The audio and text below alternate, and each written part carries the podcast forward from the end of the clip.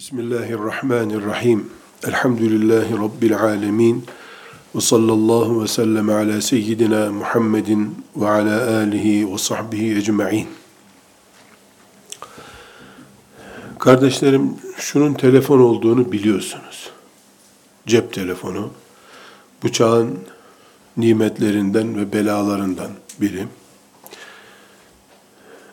Eskiden teknik bir cihaz çıktığında ondan büyükler anlardı. Küçükler de adını duyardı sadece. Şimdi ters oldu. Bu tip şeylerle çocuklar daha mahir. Herhalde biz de işte az çok biliyoruz. Mesela şunun pil olduğunu biliyoruz. Şuraya kartı takılıyor. Kamerası var, ışığı var, flaşı, hoparlörü var. Bu cihaz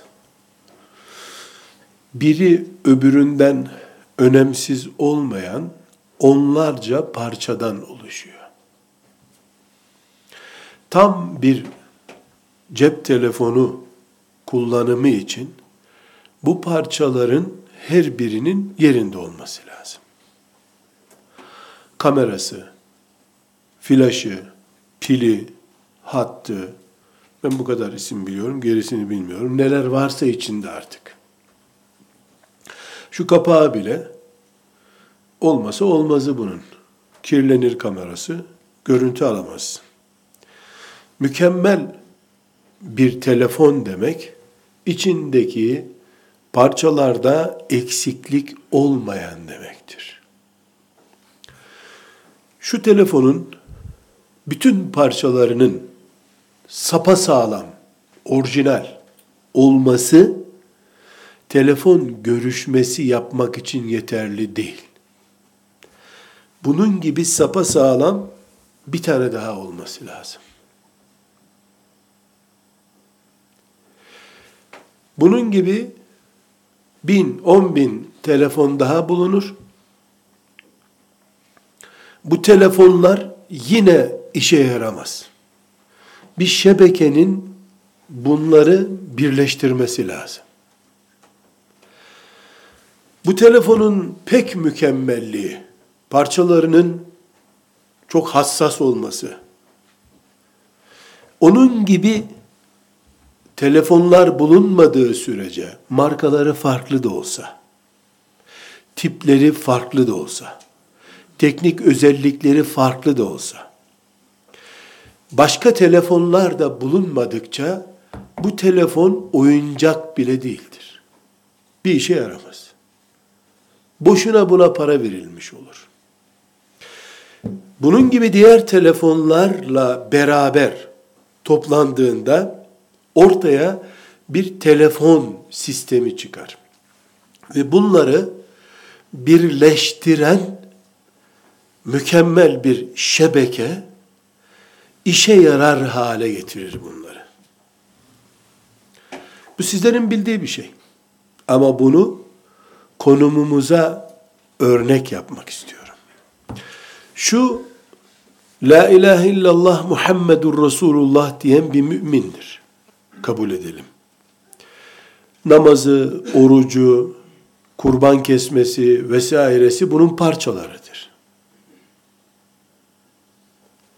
Sadaka vermesi bunun mesela filaşıdır. Mümin de parçalardan oluşuyor kendi içinde. Öbür mümin de mezhebi, coğrafyası, ırkı başka da olsa, bunun markalarının başka olduğu gibi, o da namazdan, oruçtan ve diğer ibadetlerden mütekevvin bir mümindir. Bir iman kardeşliği Allah'a iman ağı üzerinden bu müminler Allah'ın kulluğunu yaparlar. Bu telefon tek başına telefonla yapılan hizmeti yapmadığı gibi A mümin, B mümin, C mümin iman şebekesi üzerinden diğer telefonlarla bağlantıda olmadığı sürece kendi kendine çocuklara oyuncak olan, şeytanın elinde oyuncak kalan kutsal bir nesnedir sadece. Allah'ın Kur'an'ında küntüm hayra ummetin uhricet linnas.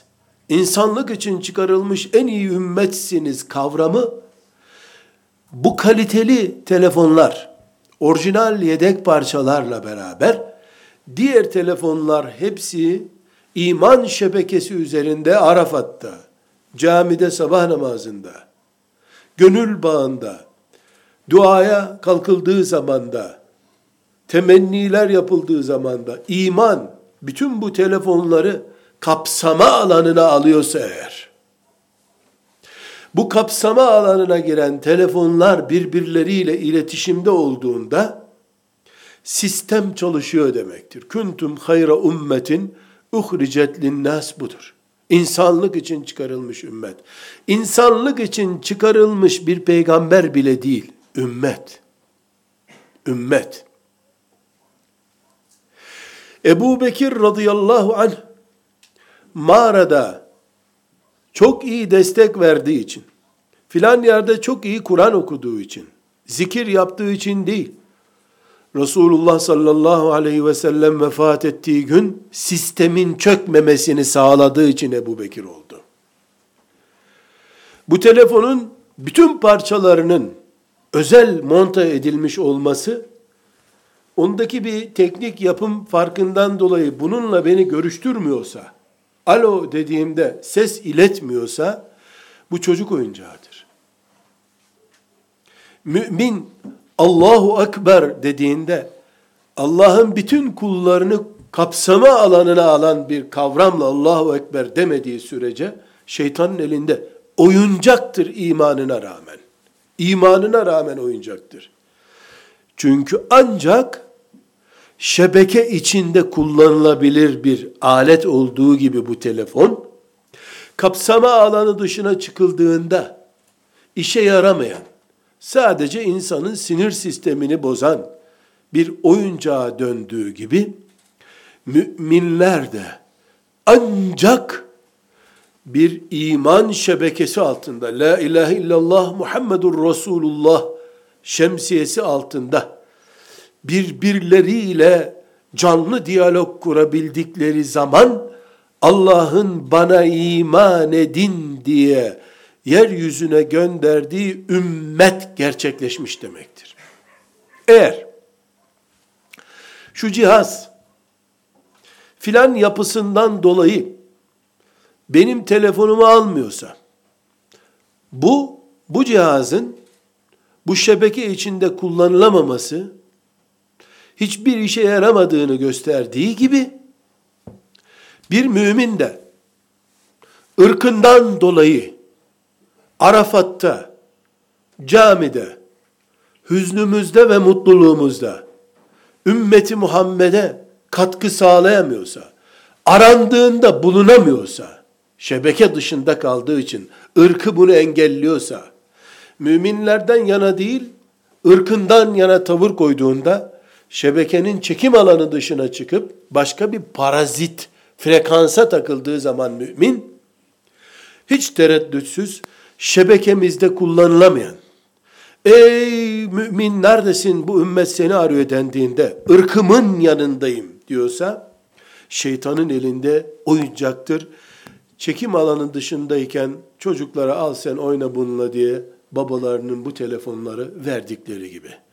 Çok pahalı şey de olsa nasıl olsa şebeke dışında kaldığı için kullanamadığından çocuğa verebilirsin. Çekim alanına gelince onu ver. Görüşeceğim şeyler vardı diyeceksin. Bu telefon misalini unutmayalım. Günlük hayattan hepimizin çok iyi anlayacağı örnek bu. Teknik bölümü yok. Şebekeyi biliyoruz. Teknik yapısını telefonun biliyoruz. İman da böyle. Eğer Allah'ın adını kullanarak ümmeti Muhammed'in bölümlerinden birisi olması gereken bir tarikat, bir vakıf,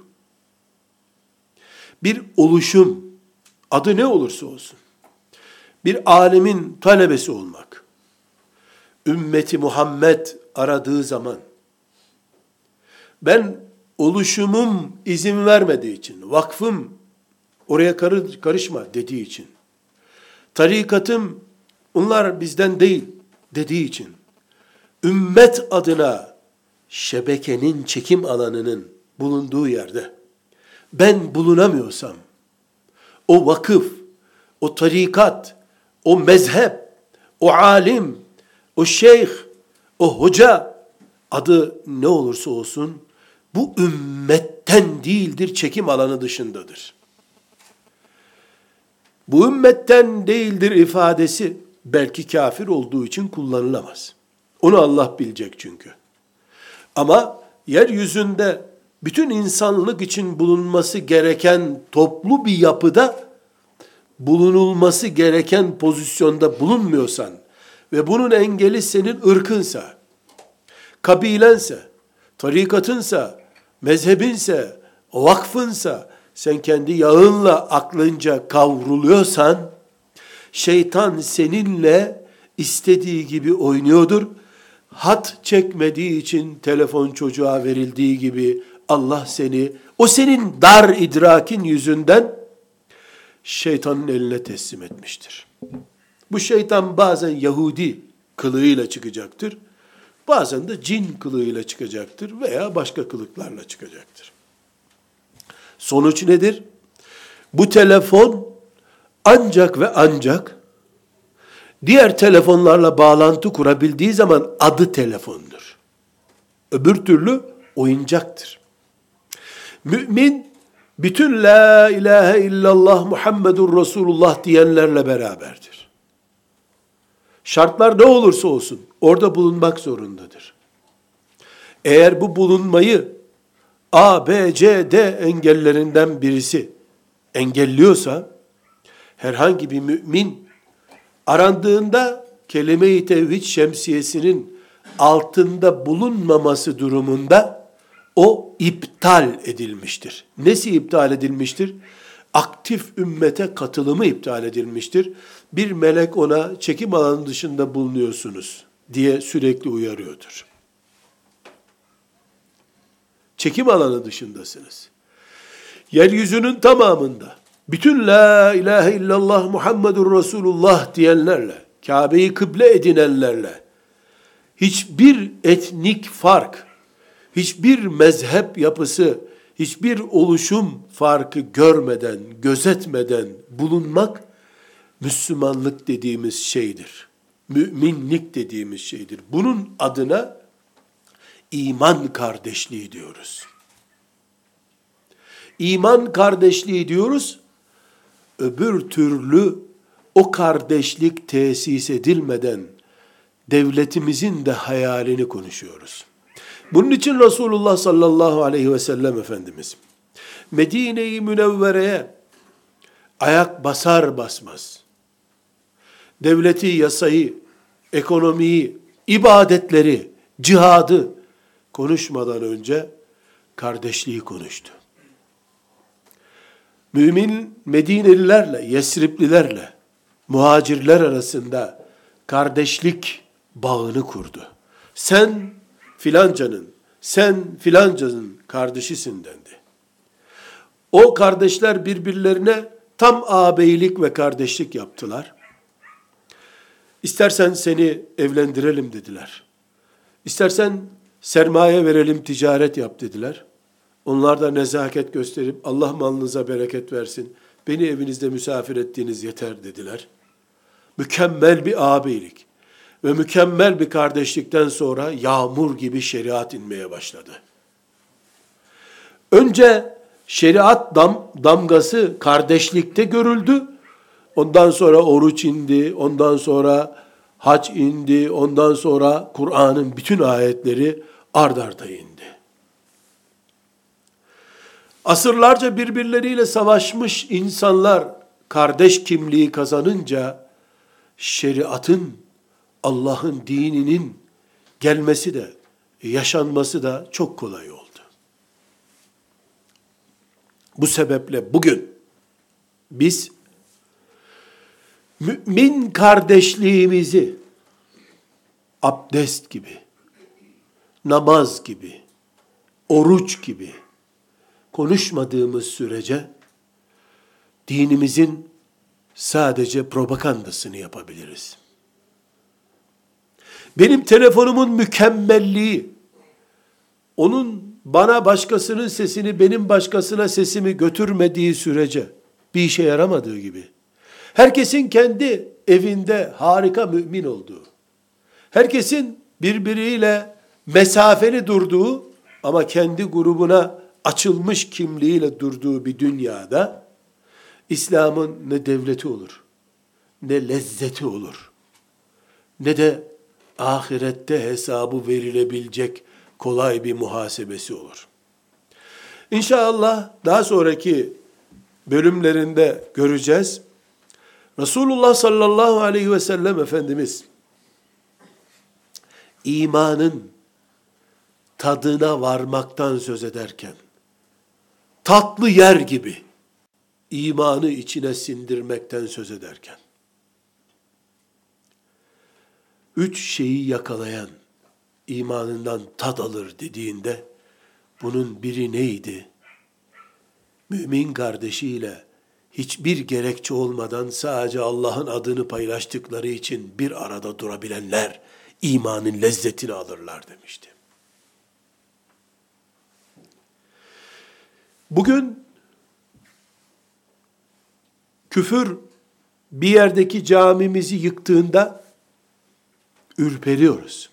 Namaza ve dinimize hassasiyetimizden dolayı. Küfür kardeşliğimizin köklerini kopardığı halde bunu yöresel bir sorun gibi görebiliyoruz. Bu eksikliğimizden dolayı da imanın tadını ashab-ı kiram aldı da biz niye alamadık deyip duruyoruz. Sabah namazına kalkmak bana neden bir sofraya oturmak kadar zevk vermiyor? Çalan saat beni niye kaldıramıyor? Sorusunun cevabı imandan tat almak veya almamak üzerine kurulu. Abdest namazın altyapısı olduğu için abdestsiz namaza duran, boşu boşuna jimnastik yapar nasıl diyorsak, Medine'de kurulmuş İslam devletinin de abdesti o devletin vatandaşlarının mümin kardeşler olması üzerine kuruluydu. Bizim imandan tat almamızı engelleyen en büyük sorunlardan birisi, iman kardeşliğimizi namazın abdesti gibi göremeyişimizden kaynaklanıyor. Bir Müslümanın hacca gitmiş olmasını, namaz kılıyor olmasını, fitre veriyor olmasını, hanımının tesettürlü olmasını, kocasının sakallı olmasını, onun faziletlerinden sayıyoruz da, bu şebekenin çekim alanında nerelerde çekiyor, nerelerde çekmiyor, nasıl onunla iletişim kurulabiliyor mu, kurulamıyor mu sorusunu, müminliğimiz açısından irdeleme ihtiyacı hissetmiyoruz. Neden? İmanın şartlarında yok zaten. Ramazan-ı Şerif'le de alakalı değil. Haçla da alakalı değil iman kardeşliği. İmanın şartlarında olmaz tabi. Neden? İmanın şartlarında olması gerekmiyor ki melekler gibi ayrı bir madde değil bu zaten. Bu senin şebeken. Bu senin içinde bulunduğun ağın adı senin. Özel bir başlık açılması buna gerekmiyordu. Bugün bir cami derneği kurduğumuzda bile bugün bir Kur'an kursu açarken bile bir düğün yaparken mesela buradaki bu toplantıyı icra ederken yasalara ne kadar uyuluyor? Bir sıkıntı var mı diye inceliyoruz. Katılımcıların ulaşımını inceliyoruz bu cami derneğinin varlığı işte filan resmi prosedüre uyuyor mu, uymuyor mu inceliyoruz. Artık bu şebekenin varlığı ve etki alanı açısından da yaptığımız her hareketin inceleniyor olması lazım. Bu vakfı kurduk. Bu vakıf ümmetimizin kardeşlik ruhuna katkı mı sağlayacak yoksa sorun mu oluşturacak diye irdelemek zorundayız.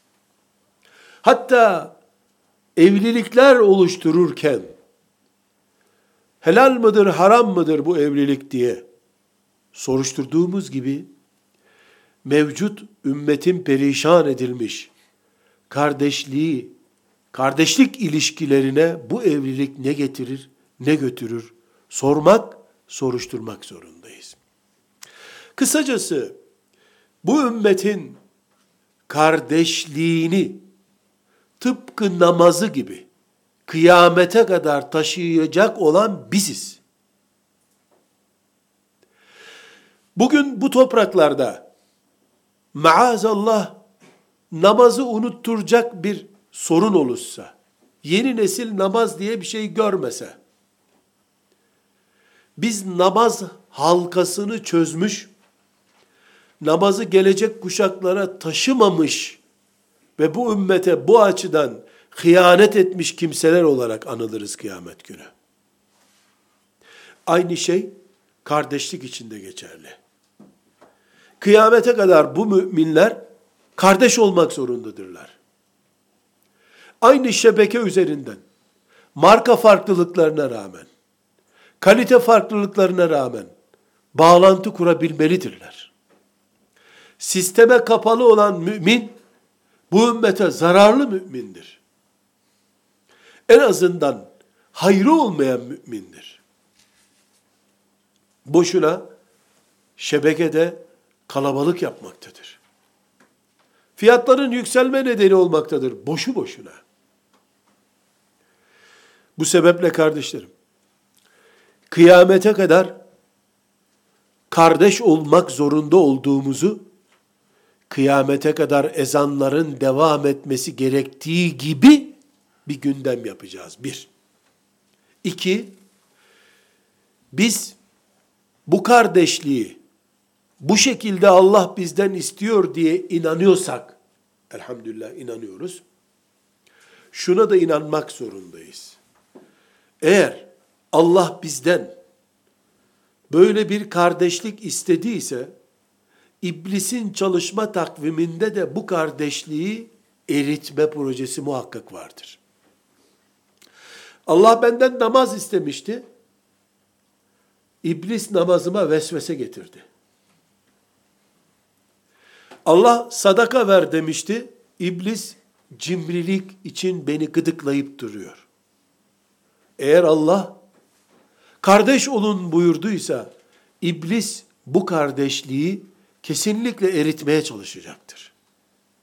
Irk kullanarak, etnik yapımı kullanarak, A, B, C şeylerini kullanarak veya veya dinin diğer değerlerini kullanarak kardeşliği, mesela bir alimin talebesi olmayı, bir hoca efendinin medresesinde olmuş olmayı kardeşliğimi imha için kullanabilir. İblis akıllı. Proje adamı iblis çünkü.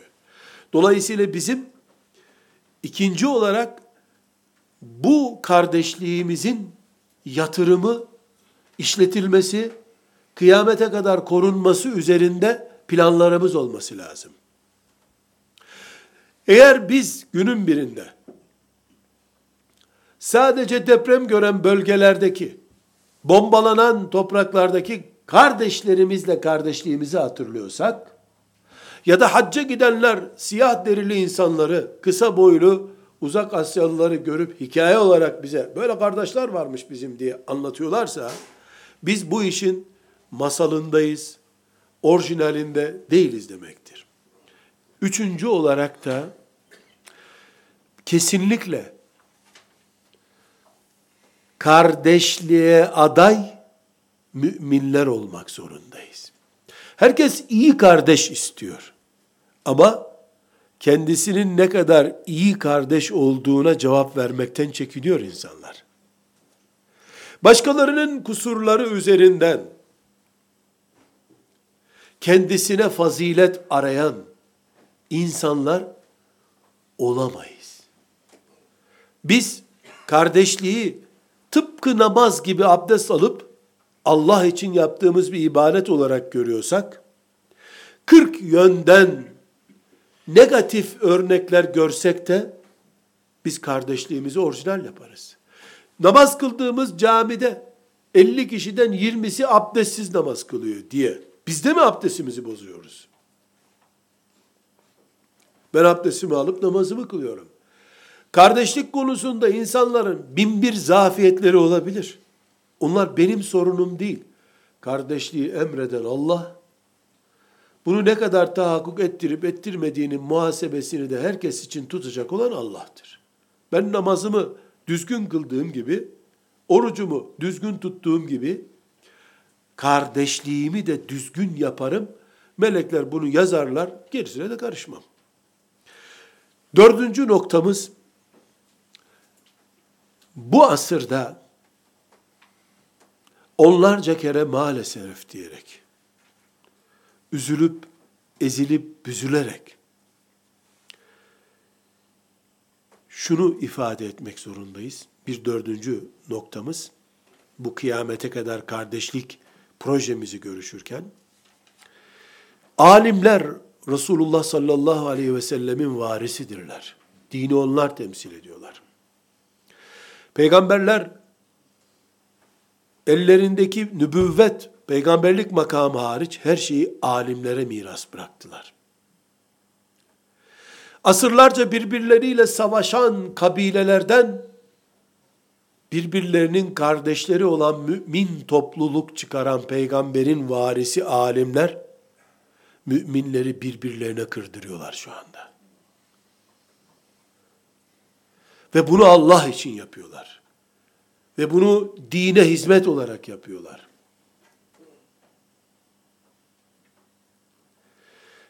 Dolayısıyla bu asırda karşımıza bir bela çıkmıştır. O belanın halk diliyle adı kardeşliğimizi alimlerden, hocalardan korumaktır. Madem kardeşlik Allah'tan bize gelmiştir, arşın bizimle ilgili kararıdır. Bu kardeşliğimizi şeytandan korumak zorundayız. Siyonisten veya filan odaktan korumak zorundayız. Çok üzülerek, ezilerek ve büzülerek söylüyorum. Hocalardan ve büyük alimlerden, bu asra ait olanlardan da kardeşliğimizi korumak zorundayız. Nasıl bir başlık bu? Şöyle bir başlık. Peygamber aleyhisselam birbirleriyle savaşanlar, çocuğunu öldürenler, babasını öldürenlerden Allah'ın razı olduğu büyük bir nesil çıkardı.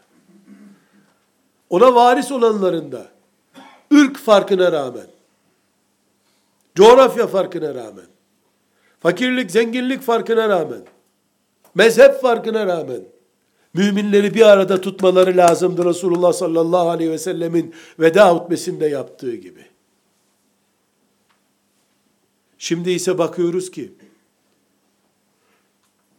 pastayı kendisi kullanacağı kadar küçültüp, sadece kendi ekseninde dönenlerden oluşmuş ümmet görüntülü küçücük gruplar hocaların yüzünden, alimlerin yüzünden oluşmaya başlamıştır. Elbette bir Hasan el-Benna'yı buna katamayız. 3, 5, 10 istisnası bunun muhakkak vardır her coğrafyada. Ama üç sözünden birinde ümmeti Muhammed'i yaralamayı, bir grubu dışlamayı, kendisinden başka kimseyi hak görmemeyi beyan eden birisinin sonuçta verdiği zarar kardeşlik ruhumuzu zedelemektir. Bu bazı yerlerde Pakistan gibi yerlerde onun camisinde namaz kılmama düzeyine ulaşmış durumdadır. Onun camisinde namaz olmaz diyen anlayış oluşmuştur. Yer yer Şafii'nin arkasında namaz kılmaz Hanefi diye sapık bir cümle kullanılmıştır. Şimdi şöyle bir şey hissediyorum. İçinizden diyorsunuz ki elhamdülillah henüz bizde böyle değil. Ben de diyorum ki bu hiçbir şey değil bizdekine göre. Çünkü bizde onlar cennete girmeyecekle başladı bu savaş. Bizimkinin dışındakiler cennete girmezler. Girse de asırlar sonra girerler. Yani bizde onun camisinde namaz kılıp kılmakla başlamadı bu iş. İmanımızın muhasebesiyle başladı. Sadece Allah imanları kabul ediyor veya etmiyor iken birileri insanların mümin olup olmadıklarına, imanlarının kaç puan edip etmediğine karar verme hakkı gördü kendinde. Bunun adına biz yıkım diyebiliriz. Ümmet adına çökme diyebiliriz. Bu bir çöküştür kardeşler. Ve bu çöküşün en ucunda alimler durmaktadır. Hocalar durmaktadır. Peygamberin varisi olsalardı, aleyhissalatü vesselam, Evs'le Hazreti barıştırdığı gibi Peygamber aleyhisselam, mezhep farkına bakmadan, tarikat farkına bakmadan, okuduğu kitabın farkına bakmadan, kelime-i tevhid sancağının altında bizi birleştirirlerdi. Onlar kendi kitaplarının, kendi felsefelerinin altında birleştirmeye çalışıyorlar. Bu bir sıkıntı. Beşinci noktamız da, madem yeryüzünde biz Allah için kardeşleriz, amenna, Rabbimiz emrettiği için kardeşleriz, o zaman, Rabbimizin bize emrettiği her şeyde şeytanın karşı taarruzu muhakkak bulunacağı bir gerçek. O gerçeklerden birisi de şeytanın kardeşliğimizi yok etme senaryolarıdır.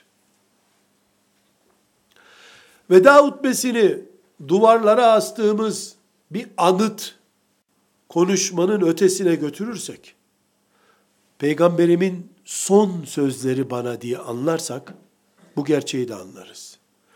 Veda hutbesine başlarken ne buyuruyor? Ben sizin bir daha putlara tapınacağınızdan korkmuyorum. Şeytan sizi yeniden putlara çevirmekten umudunu kesmiştir artık. Bunun komik bir şey olduğunu o da anladı. Ama şeytanın sizi birbirinize kırdırmasından korkuyorum buyurmuştur. Bugün bütün Müslümanlar olarak bize sevgili Peygamberimiz sallallahu aleyhi ve sellem son sözümdür diye söylediği sözlerden biri. Dikkat edin şeytan sizi birbirinize kırdıracak bu büyük bir tehlikedir dediyse. Ama biz medreselerimizde şeriat ve din öğretirken Müslümanca kardeşçe yaşama maddesi diye bir madde koymadıysak, böyle bir ders maddesi yoksa, bunu sadece ahlaki bir konu olarak gördüysek, bize veda hutbesi okunmamış demektir. Veda hutbesinden hiçbir şey anlamadık demektir. Oruç gibi, namaz gibi bir arada yaşama, kardeşliğimizi tahakkuk ettirme, diğer marka telefonlarla da olsa iletişimimizi sürdürmeyi kesinlikle çözmeliyiz. Kur'an kursunda çocuklarımız en iyi Kur'an'ı bizim hocamız öğretir. Gerisinin okuttuğu Kur'an zaten doğru okunmuş sayılmaz. Öğrenecek yerde bu Kur'an müminleri kardeş yapıyor öğrenseydi de iki ay geç hafız olsalardı keşke. Çünkü iki ay geç hafız olsalar biz ümmet olarak bir şey zarar etmeyiz. Ama erken hafız oldular. Ezberledikleri Kur'an'ın onlara yaptığı kardeşlik aşısı tutmadı. Onlar da etrafına topladıkları insanları diğerlerinin düşmanı olarak yaşattılar.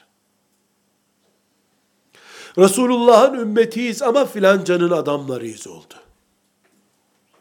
Filancanın adamı olmayanın Resulullah'a da ümmet olamayacağı açık, net bir şekilde insanlara söylendi, söyleniyor hala. Bunun için beşinci kademede de biz şeytanın projelerini boşa çıkaracak düzeyde kardeşlik projeleri oluşturmamız lazım.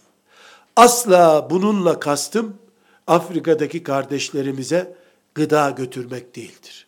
Su kuyusu açmak değildir. O tür kardeşliği Hristiyan misyonerler de yapıyor.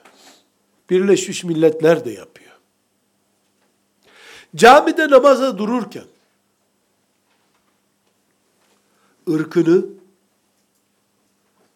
ve onu etki altına almak için getirilmiş olan bütün yapıları, derneğini, vakfını, hocasını unutup Allah'ı ve Allah'ın kullarını hatırlayan düzeye gelinceye kadar.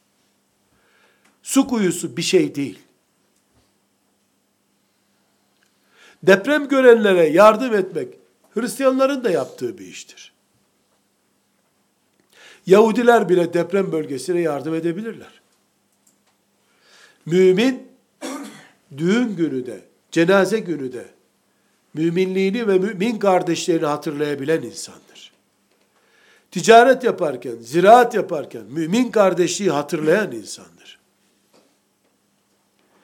Bu düzeyde kardeşlik projeleri, kardeşliğimizin içini dolduran, altyapısını dolduran projeleri geliştirmek zorundayız. Bu derste bunları konuşacağız inşallah. Size şu ana kadar Filistin'i vermiş oldum konuşacağımız şeylerin. Şimdi imanımızı zihnimizde aktif hale getirip bu mümin kardeşliğimizin nerede durduğunu ya da durması gerektiğini konuşabiliriz artık. Şimdi oturalım. Ben kelime-i tevhidle çekim alanına girdiğim bu ümmet mefhumunda kardeşlik nerede duruyor? Nerede durması lazım? Onu şimdi konuşabiliriz.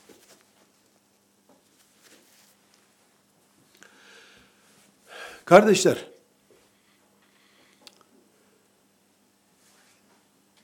hepimiz iman ediyoruz ki Allahu Teala'nın gönderdiği İslam tamdır.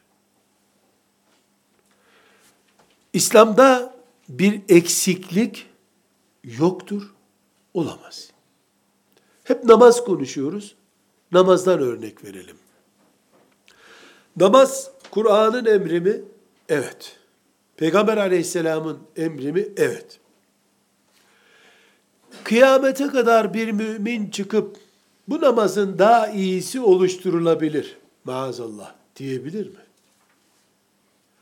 Namaz biraz fazla kaçmış diyebilir mi? Diyemez. Mümin olduğu sürece demez.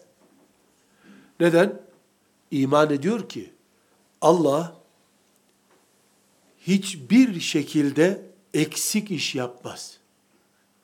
Daha iyisi yapılabilecek bir iş yapmaz Allah. Ne yaptıysa tamdır. Namaz daha iyisi olamaz bir ibadettir. Fazlalığı da yoktur namazın. Çünkü Allah'a aittir.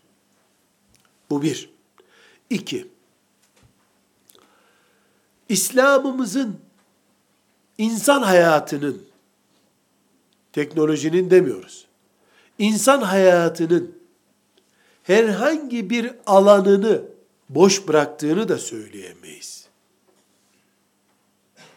Evet, Peygamberimiz Aleyhisselatü Vesselam Medine'de pilotluk kursu vermedi. Ama insan hayatının doğasında pilotluk yok. Yaşamak için, yemekten, içmekten, uyumaktan, evlenmekten vesaireden gerekli şeyler insan doğasını oluşturuyor. Bir insan 100 senelik ömründe hiç uçağa binmemiş olabilir. Bu hayatında bir eksiklik getirmez onun. Uçmak, uçarak bir yere gitmek hayatın doğasında olan bir şey değildir. İnsanlığın önüne çıkmış hayat refahını yükselten uygulamalardan birisidir sadece.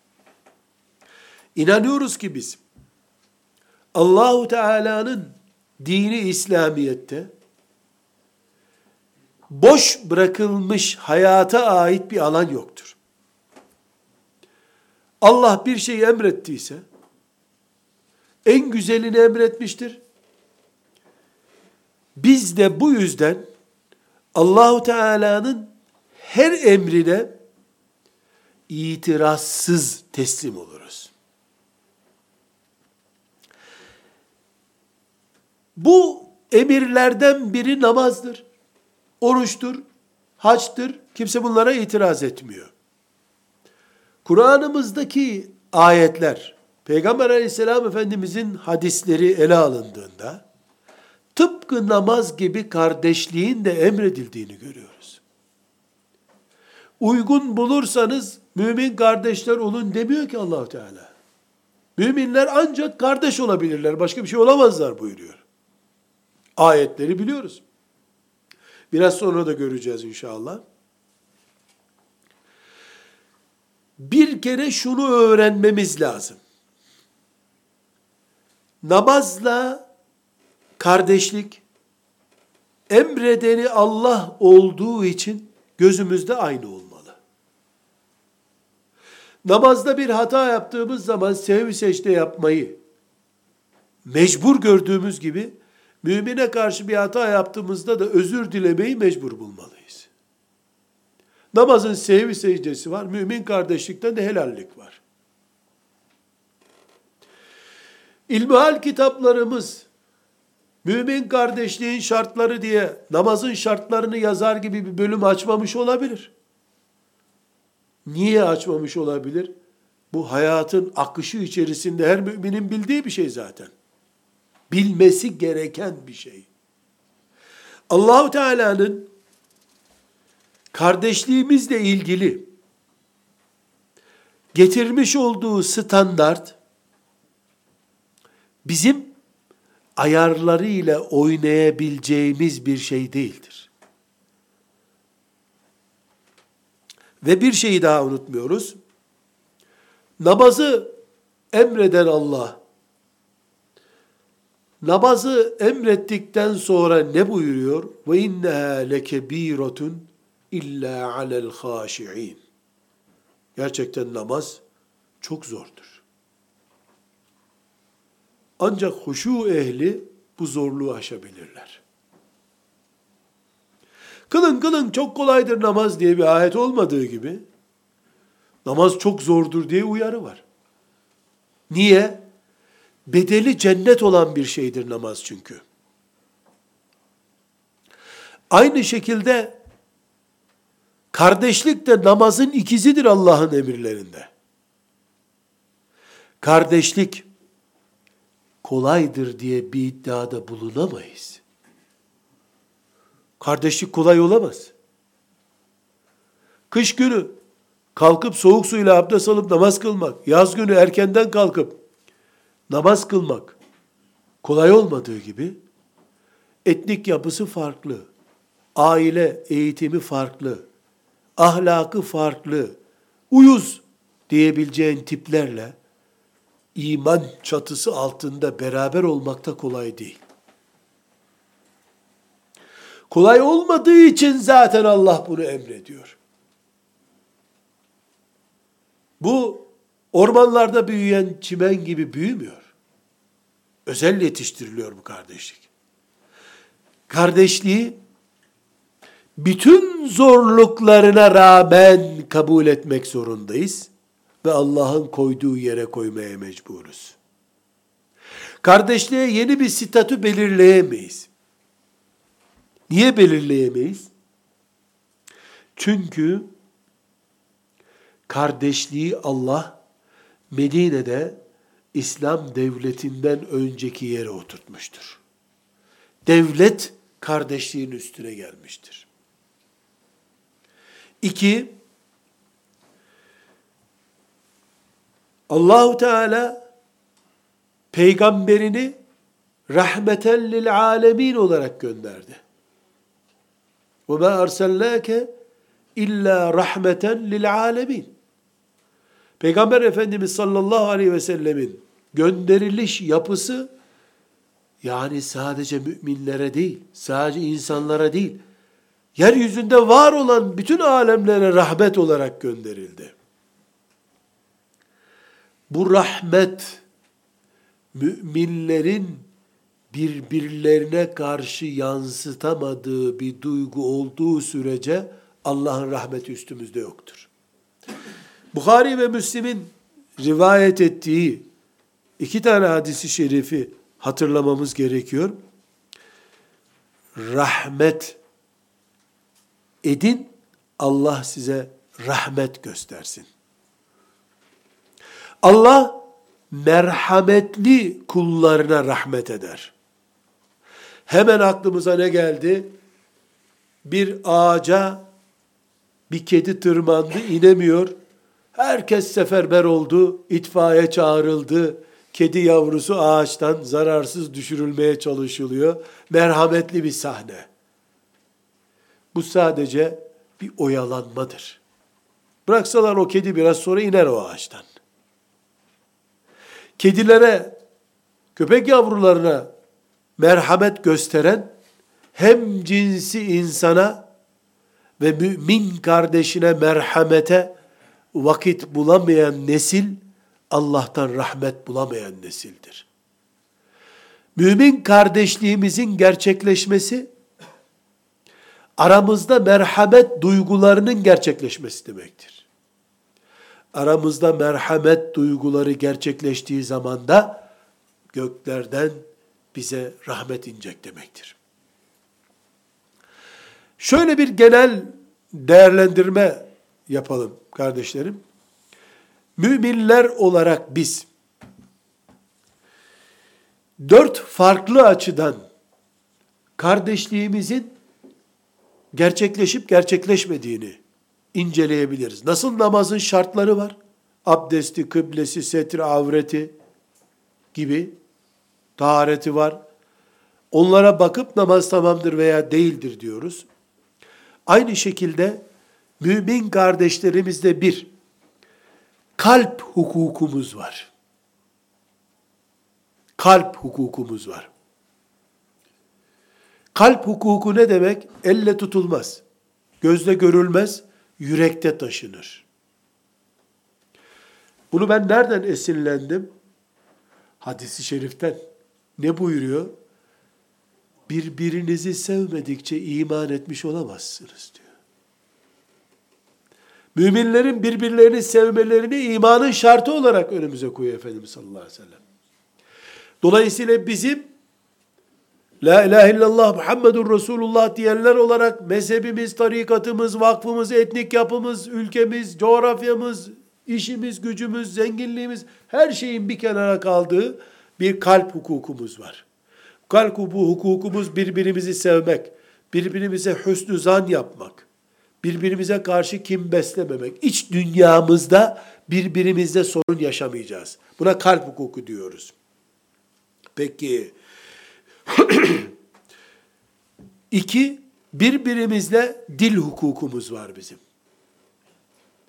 Dilde yansıyan hukukumuz var. Selam, hak, bir insanlık filan değil, hak.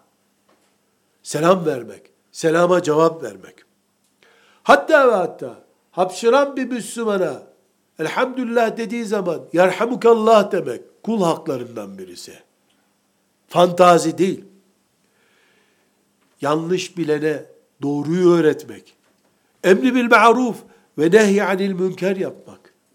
Mümine dua etmek. Dil hakkı oluşturuyor. Yani benim kalbimde milyardan fazla mümin kardeşimin potansiyel hakkı mevcut.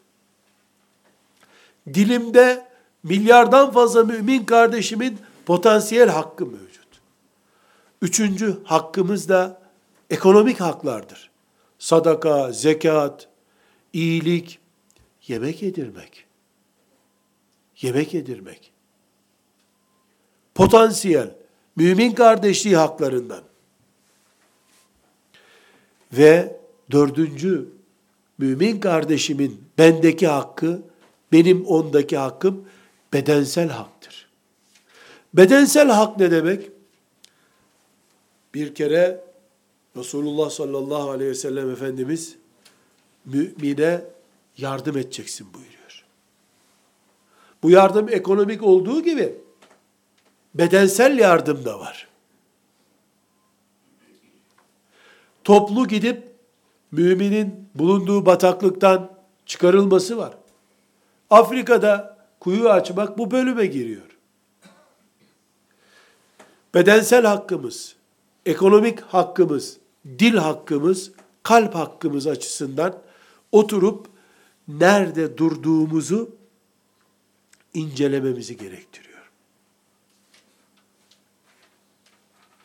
Camilerin kıblesi hazır. Biz kıble araştırmadan namaz kılıyoruz. Namaz bu açıdan çok kolay. Şimdi pusulası da var. Ama mümin kardeşliğimizin hazır bir camisi vesairesi yok. Mümin kardeşliğimizin bir mabedi yok. Biz o standardı günümüzün şartlarına göre, çevre yapımıza göre biz oluşturmak zorundayız. Kardeşlerim, kesinlikle kıyamete kadar kardeş kalmak asla kolay bir şey değil. Resulullah sallallahu aleyhi ve sellem bunu ilk defa emir buyurdu. 1450 seneye yakın zamandan beri mümin kardeşliğimiz yeryüzünde canlı olarak devam ediyor. Elhamdülillah ne büyük badireler atlatıldı bu kardeşlik devam etsin diye. Bu asırda da iblis etrafındaki destekçileriyle becerdi. Bu büyük kardeşlik projemizi çok zor altından çıkılır bataklıklara itti. Ama Allah'ın izniyle yaşayabilen yaşar. Nasıl zindanlara düşen becerip orada namazını kılıyor? Nasıl yoğun bakımdaki bir Müslüman bile bir çaresini bulup teyemmüm edip orada namazını kılıyor. Bırakmıyor namazı. Niye? Allah'ın emri. Yoğun bakımdaki de namaz kılacak. Zindandaki de namaz kılacak. Çünkü Allah zindana düşerseniz namaza ara verin buyurmuyor.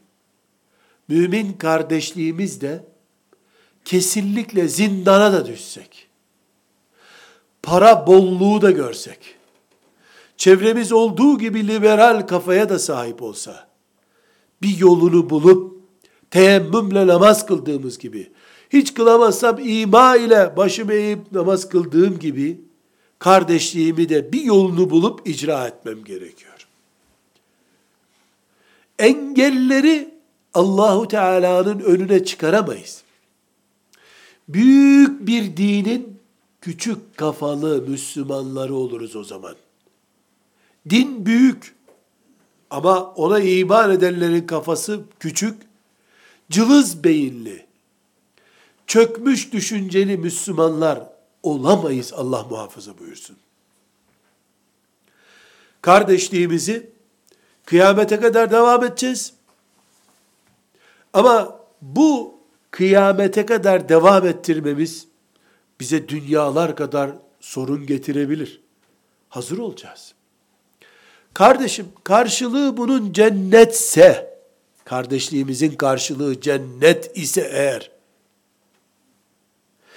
iki mümin birbirini Allah için sevdiklerinden dolayı cennet göreceklerse, bunun zor olmasında bir sakınca yok ki, elbette zor olacak. Cennet ucuz mu? Cennet hazır iş yapanların mı?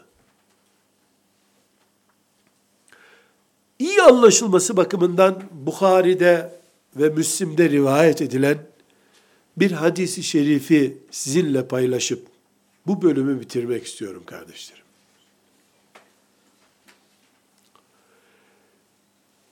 Biz iman kardeşliği diyoruz ya. Bu iman kardeşliğinden beklentimiz nedir bizim? Sosyal ilişkilerimizin güçlenmesi değil herhalde. Taksitlerimi ödeyemediğim zaman bu kardeşler bana sahip çıkar diye dünyevi bir hırs da değil. Allah'ı istiyoruz bu kardeşlikten. Namazdan ne umuyorsam, mümin kardeşliğimden de onu umuyorum ben. Ummam gerekiyor. Ve bu Allah'ın vaadidir. Hızlı bir şekilde özetleyeyim. Peygamber aleyhisselam Efendimiz, müminlerin arasında nöbet tutan, müminlerin işlerini zapt edip Allah'a götüren meleklerden söz ediyor. Bukhari'de ve Müslim'de. Başka hadis kitaplarında da var. Melekler bir takip ettikleri işte bizim deyimlerimizi anlatayım. Bir toplantıyı raporlayıp Allah'a götürüyorlar. Bir ilim meclisini bulmuşlar. Orada ders okumuşlar, ayet okumuş, hadis okumuş insanlar. Bunu bulmuş melekler, zapt etmişler. Götürüp raporu Allah'a veriyorlar Celle Celaluhu. Allahu Teala her şeyi en iyi bilen olduğu halde meleklerine sorar diyor Efendimiz sallallahu aleyhi ve sellem. Kullarım ne toplanmışlardı, ne istiyorlardı? Allah'ım onlar oturmuş senin kitabını okuyorlar, aralarında öğrenmeye çalışıyorlardı. Bir korkuları mı vardı diye soruyor allah Teala. Melekler diyorlar ki ya Rabbi korkuları vardı senin ateşinden çok korkuyorlar. Bir şey mi bekliyorlardı? Senin cennetini bekliyorlardı ya Rabbi diyor melekler. Allah buyuruyor ki cennetimi gördüler de mi cennetimi istiyorlar? Görmediler ya Rabbi diyor. Madem görmediler ateşimi, görmediler cennetimi ama onlar oturup Kur'an'la meşgul oluyorlar. Ey melekler sizi şahit tutuyorum ki o grubu affettim. Meleklerden biri diyor ki bu esnada hadis-i şerif söylüyoruz. Ya Rabbi o grubu af buyurdun sen ama filan filanca oraya iş olsun diye gelmişti. Ders mers niyeti yoktu onun. İş olsun diye geldi. Oraya oturdu oraya. Hiç dinlediği de yoktu dersleri. Diyorlar. Allah'ın cevabı ne? Biliyor musunuz? İşte o cevap bizim bugün hasretini çektiğimiz şeydir. Humul culesâ'u la yeşkâ celîsuhum.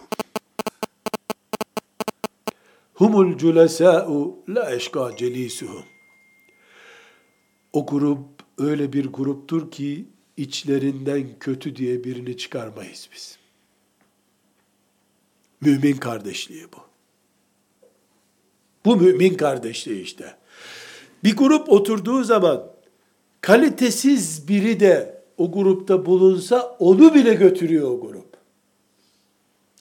Ama şimdiki dördüncü başlıkta bahsettiğimiz sıkıntı Allah boşu boşuna gelmiş orada oturan birine bile mağfiretini vaat ediyor.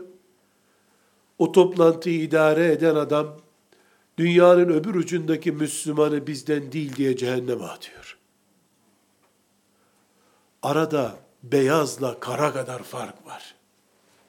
Biz kardeşliğimizi gerçekleştirdiğimiz zaman seviyesizlerimiz bile bu seviyeyi yakalıyorlar. La yeşka celisuhum. La yeşka celisuhum. O toplantıya katılan kötü olmaz Allah buyuruyor. Halbuki melekler şahit ki adam iş olsun diye gelmiş oraya. Dışarısı soğuk, camide oturayım diye gelmiş. Belki de abdesti yoktu adamın. Kardeşliğimiz, topluca mümin olarak Allah'ın huzuruna, cennetine gitmek için gittiğimiz projenin adıdır. Bireyselleştirilmiş İslam, Allah'ın indirdiği İslam değildir kardeşler. Kuntum hayra ümmetin uhricet linnas. Müslim'de Bir hadisi şerif var. Efendimiz sallallahu aleyhi ve sellem o hadisi şerifte cennete girecek müminlerden bahsederken işte müminlerin arasındaki bu muhabbet, müminlerin kardeşliğinin oturtulması vesairesinde buyuruyor ki öyle müminler gelecek ki kuşların bir daldan öbür dala konduğu gibi dünyadan cennete geçecekler. Kuş kalpli müminler olacaklar diyor. Kuş kalpli. Kuş kalpli mümin kimdir? Güvercin kafalı adam demiyoruz. Kuş kalpli. Kimdir o? Bütün müminler onun kalbinde yer bulmuşlar. Herkese bağrını açmış. Mezhep farkı görmemiş. Tarikat farkı görmemiş. La ilahe illallah diyor musun? Muhammedur Resulullah diyor musun? Ashab-ı kirama hürmetin var mı? Var. Ebu Bekir radıyallahu anh senin babandan daha değerli mi? Evet. Ümmetin Kur'an'ında bir sorunun var mı? Peygamberin hadisinde bir sorun var mı? Yok. Öğle namazını kılarken ne tarafa dönüyorsun? Kabe'ye dönüyorsun. Gel kardeş. Gel. Siyahı, beyazı, o coğrafyası, bu coğrafyası. Sil at bunları gel. Diyen müminler, kuş kalpli müminler cennete girecekler buyuruyor. Sallallahu aleyhi ve sellem Efendimiz. La ilahe illallah deyip zikir yapar gibi mümine kin kusan alim olsa ne işe yarar ya? Kafirlere karşı ceket düğmeliyorsun. Mümine karşı kustuğun kin volkan olup mümini boğmaya çalışıyor. Halbuki Resulullah sallallahu aleyhi ve sellem kuş kalpli müminler cennete girecekler buyuruyor. Bir hedefimiz var bizim bu kardeşlikten. Sadece Arafat'ta ihram giyip beraber e, mümin kardeşliği gösterme düzeyinde değiliz biz. Hayatımıza yansıyacak. Mümine karşı kalbimiz kuş kalbi gibi hafif olacak. Bir daldan öbür dala sıçrar gibi mümin biiznillahü teala evinde ölecek, cennete sıçramış olacak. Allah'ın izni ve keremiyle. Evet, mümin kardeşliğimiz namazımızla paraleldir.